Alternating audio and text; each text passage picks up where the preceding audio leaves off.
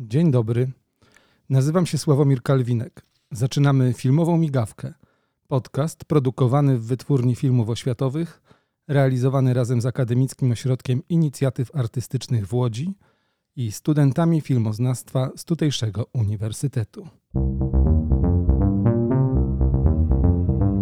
To jest podcast WFO. W tym odcinku podcastu poznamy nieznaną do tej pory większości z Państwa osobistość. Będzie to portret męski we wnętrzu. Naszym gościem będzie pan Filip Bajon.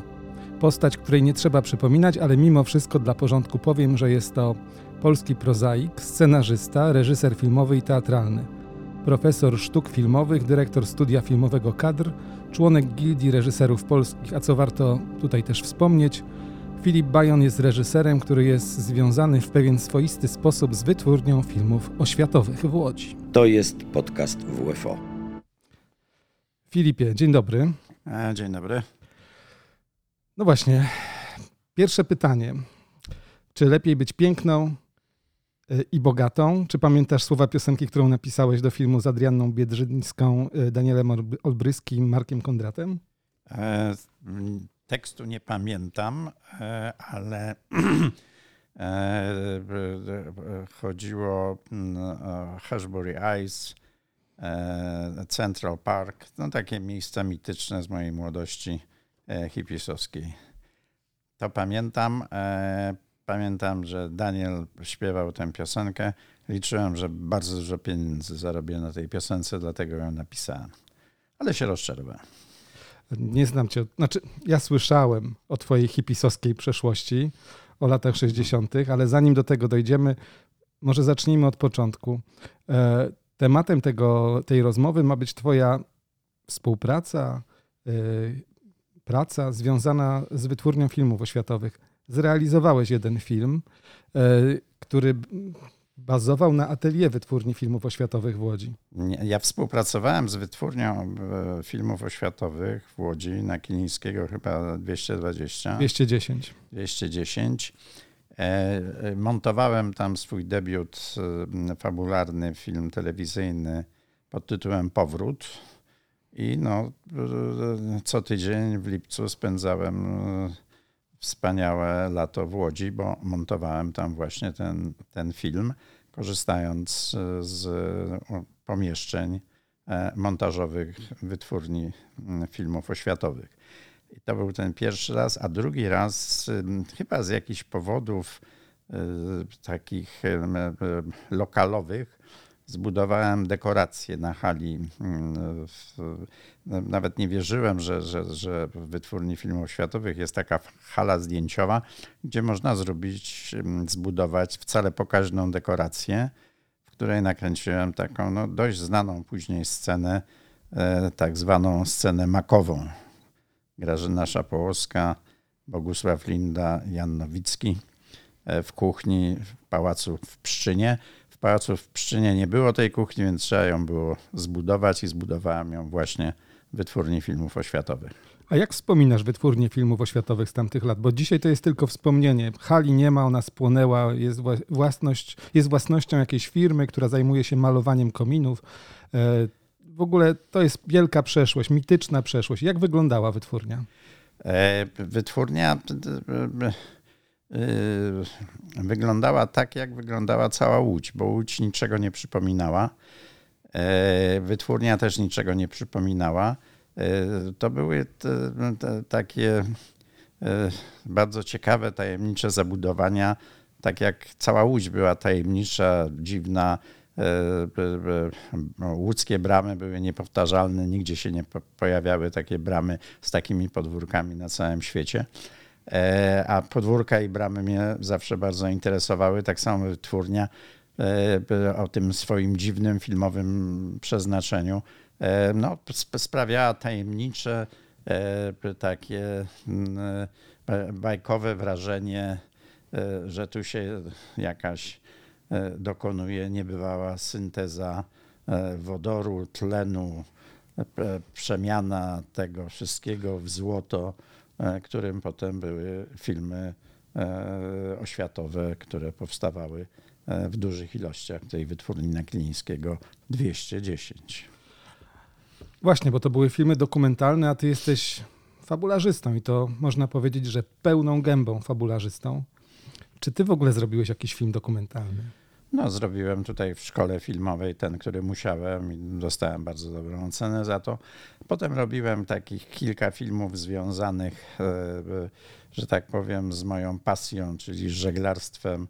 Nazywało się to Powtórka z Konrada, e, czy właśnie Portret męski we wnętrzu, o moim przepłynięciu na 12-metrowym jachcie Gemini Atlantyku w towarzystwie I, mm, Kamińskiego, jeśli się pan Tak, tak, Marek Kamiński tam, tam, tam, e, tam płynął e, tym, tym. I, I to tak, zrobiłem jeszcze taki dokument, to taki prawdziwy dokument o Ryszardzie Kapuścińskim. Poszukiwany Ryszard Kapuściński, ale te, te, te dokumenty właśnie, które robiłem związane z żeglarstwem są mi szczególnie bliskie, bo tak opowiadają o mojej pasji. E, nie miałem tutaj jakichś wielkich ambicji artystycznych, raczej miałem ambicje rejestratora, e, ambicje zapamiętywacza, a przecież najlepiej się zapamiętuje przy pomocy kamery filmowej. Realizowałeś w atelier wytwórni filmów oświatowych, innymi film Magnat, o czym tutaj mówiłeś przed momentem. A dlaczego tam i w ogóle dlaczego w Berlinie? Bo to jest dziwnie. W Defie, w Berlinie, w Łodzi, w takiej wytwórni, która była jakimś takim pomniejszym tworem, pomniejszym, nie pomniejszym. No powiedzmy, że dzisiaj tak jest traktowana, bo przecież chyba kiedyś tak nie było. No wiesz, to była olbrzymia produkcja. To była produkcja mm, e, polsko-niemiecko-zachodnia wschodnio-niemiecka mm, e, duża usługa, to był Babelsberg, to były mm, e, możliwości dubbingowe, które w Babelsbergu były niebywałe, nieporównywalne z, z mo, polskimi mm, możliwościami, a, a wytwórnia oświatowa no dawała, dawała akurat wolną halę, w której można było wybudować i też musieliśmy mieć czas na wybudowanie tego, żeby wytwórnia udostępniła nam tę halę tylko dla nas, no bo taka budowa trwała, o ile pamiętam, miesiąc czasu chyba to, e, to, to, to zajęło. A co robiłeś w Defie? Co tam się odbywało? Jaka część filmu? Słuchaj, tam e, robiliśmy dubbing. Dubbing na przykład niemiecki wszystkich dialogów niemieckich, a na przykład Olo Łukaszewicz mówił po polsku i grał po niemiecku. E, Rolf Hoppe grał po niemiecku, no i tam żeśmy, żeśmy dubbingowali. Cesarz Wilhelm II mówił po niemiecku. Najtrudniej było z Olem, ponieważ Olo nie znał niemieckiego jeszcze wtedy. Zgrał po polsku, a niemieccy specjaliści do, dopasowali głos niemieckiego aktora, który pasował do głosu Ola Łukaszewicza i rzeczywiście ku memu zdumieniu był identyczny. Także nikt nie rozróżniał, że to mówi dwóch różnych aktorów. Wszyscy myśleli, że to tak genialnie po niemiecku mówi Ola Łukaszewicz. Wróćmy do tego pytania o filmach dokumentalnych. Jak to z tobą jest? Bo już wielokrotnie o tym rozmawialiśmy. Ty nawet snułeś takie mhm. plany realizacji różnych e, pomysłów e, z mojego punktu widzenia ciekawych, dziwnych, ale nie robisz filmów dokumentalnych tak w ogóle. Nie, nie robię, bo mm, zresztą kiedyś Fidyk, mm, który finansował te moje filmy żeglarskie, mówił, wiesz, no, ja wiem, że tak specjalnie nie umiesz robić nie, tej pasji dokumentalisty, no ale przecież nie będę ci odmawiał możliwości e, podzielenia się z nami swoją pasją, chociaż wiem, że nie jesteś wybitnym dokumentalistą. Ja musiałem mu przyznać rację, bo rzeczywiście tego typu, akurat w wypadku ty, tych filmów nie, nie, e, nie miałem, ale wielokrotnie lubiłem oglądać takie filmy dokumentalne, długie, pełnometrażowe. Do dzisiaj mi to zresztą zostało. My się znamy tutaj, jesteśmy w ogóle w szkole filmowej. W tej chwili, prowadzisz zajęcia, piętro niżej są studenci, którzy czekają na ciebie, a ja muszę powiedzieć, że byłem e, razem z tobą e, w kierownictwie Wydziału Reżyserii. Ja byłem prodziekanem, ty byłeś szefem dziekanem, no i wielokrotnie uczestniczyłem w egzaminach i razem ocenialiśmy filmy dokumentalne. Uważam, że masz bardzo celne spojrzenie, jeżeli chodzi o celne uwagi i takie wnikliwe spojrzenie, jeżeli chodzi o film dokumentalny. Po co w ogóle filmy dokumentalne są fabularzystą? E, dla mnie film dokumentalny to jest e, e, poszukiwanie metafory w realnej strukturze świata. Najkrócej mówiąc, jeżeli ktoś ma ten talent i umie znaleźć metaforę w realnej strukturze świata, powinien robić filmy dokumentalne. Umiał to robić Krzysiu Kieślowski, bardzo to umiał robić Wojtek Wiśniewski, Szajbus. Zresztą tu wtedy w szkole w latach 70., kiedy studiowałem, profesor Bosak właśnie, że tak powiem, uczył nas szukania takich metafor w realnej strukturze, e, strukturze świata. A jak się szuka metafor na przykład w literaturze? Bo tutaj chciałbym nawiązać do tego, że ty też jesteś pisarzem i wielokrotnie no tak, o tym rozmawialiśmy. Ale w, w, w, literaturze to się te metafory stwarza. To znaczy ma się poczucie, że dana historia jest historią metaforyczną i przy pomocy słów, odpowiedniego doboru słów, stara się nazwać tę, tę metaforę, stara się ją opisać tak, żeby e, czytelnik odebrał, miał to same wrażenia, kiedy, jakie ma pisarz, kiedy, e, kiedy to pisał. Natomiast w filmie no to chodzi o to, żeby widz E, że tak powiem, żeby do niego e, taka, taka metafora dotarła. No.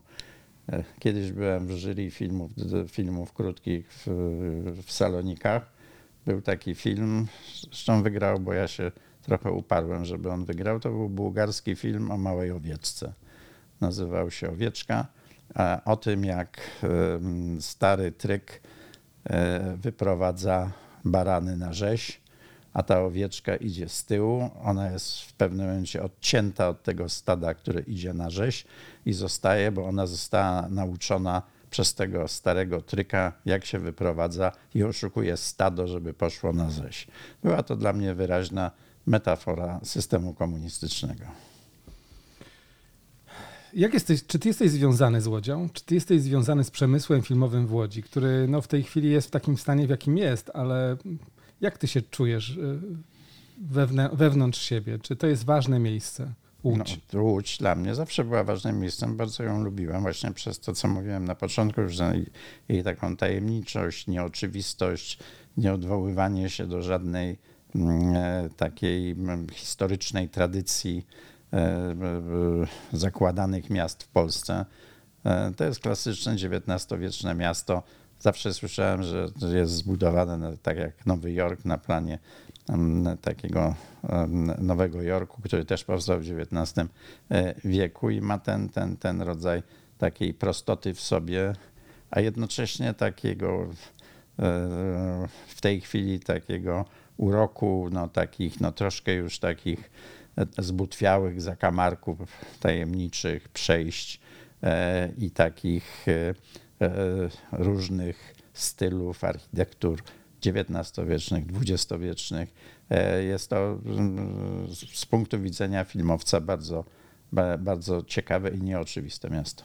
Ja je bardzo lubię. Takie genius, genius loci. Tak. A powiedz proszę, czy ludzie, którzy są w Łodzi, chociażby artyści, filmowcy, czy masz takich, którzy, których e, ceniłeś, cenisz którzy są związani z miejscem? Z Łodzią, no to najbardziej był związany z tego, co pamiętam, chyba e, Krzysiu Ptak, który tutaj spędził całe życie, mieszkał mieszkańcem e, Łodzi, mieszkańcem ulicy Nawrot, mieszkańcem ulicy Struga.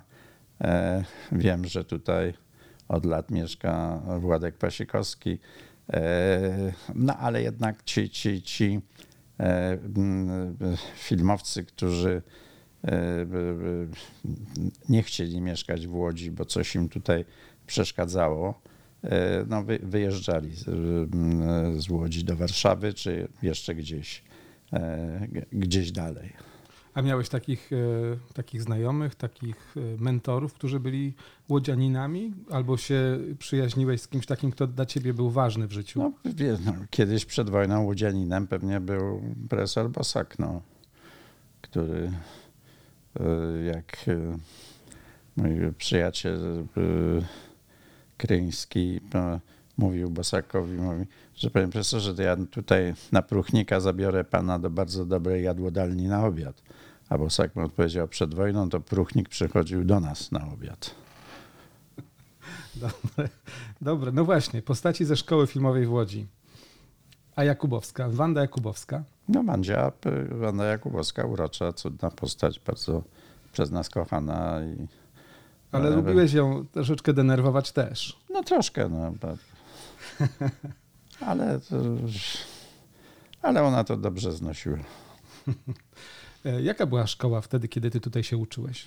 No to była taka enklawa wolności, no. To taki, e, taki inny świat, świat za murem, świat e, oglądania filmów, świat dyskusji, świat rozmów o sztuce, świat bankietów, świat E, wina marki Wino, prawda, czyli tego wina patykiem pisane, e, pisanego. Mm, świat taki e, bezkarny, tak bym powiedział. On jeszcze istnieje? No myślę, że nie. Myślę, że nie. To ten, ten, ten, ten, ten świat istnieje jeszcze tylko i wyłącznie we wspomnieniach. Reguły tego świata, który jest w tej chwili, są już zupełnie inne moim zdaniem jeszcze nie rozpoznane w pełni. Ale mówisz o tym, co się dzieje na świecie, czy na o świecie. tym, co już było? A o tym, co już było, no to, to, są, to są wspomnienia, prawda? I e, to jest świat, który, no, e, którego każdy świat musi być skuteczny. Prawda? Ten świat, który istnieje mm, we wspomnieniach, on z racji czasu stracił swoją skuteczność, także jest tylko pewnym e, pełnym powabu bibelotem. No. Może o tym zrobisz film dokumentalny? No, może, może, może, ale e, byłoby, to, byłoby to bardzo trudne. E, dziękuję za tych kilka słów. E, naszym gościem był dziś pan Filip Bajon, a jeszcze warto wspomnieć, że naszych podcastów możecie słuchać na platformie YouTube, Spotify, Apple Podcast, Google Podcast, na stronie Akademickiego Ośrodka Inicjatyw Artystycznych. Odnośniki znajdziecie na wfo.com.pl łamane podcast lub w opisie pod, pod, e, odcinka. Seria podcastów pod nazwą Filmowe Migawki to nie tylko rozmowy z twórcami związanymi z wytwórnią filmów oświatowych, znanymi w Polsce i na świecie reżyserami, operatorami czy innymi osobami związanymi z branżą filmową. To spotkania również ze studentami łódzkiej szkoły filmowej, młodymi artystami, którzy dopiero wchodzą w świat wielkiej kinematografii. A nasz, naszym gościem dzisiaj był Filip Bajon. Dziękuję Ci, Filipie. Dziękuję, dziękuję bardzo.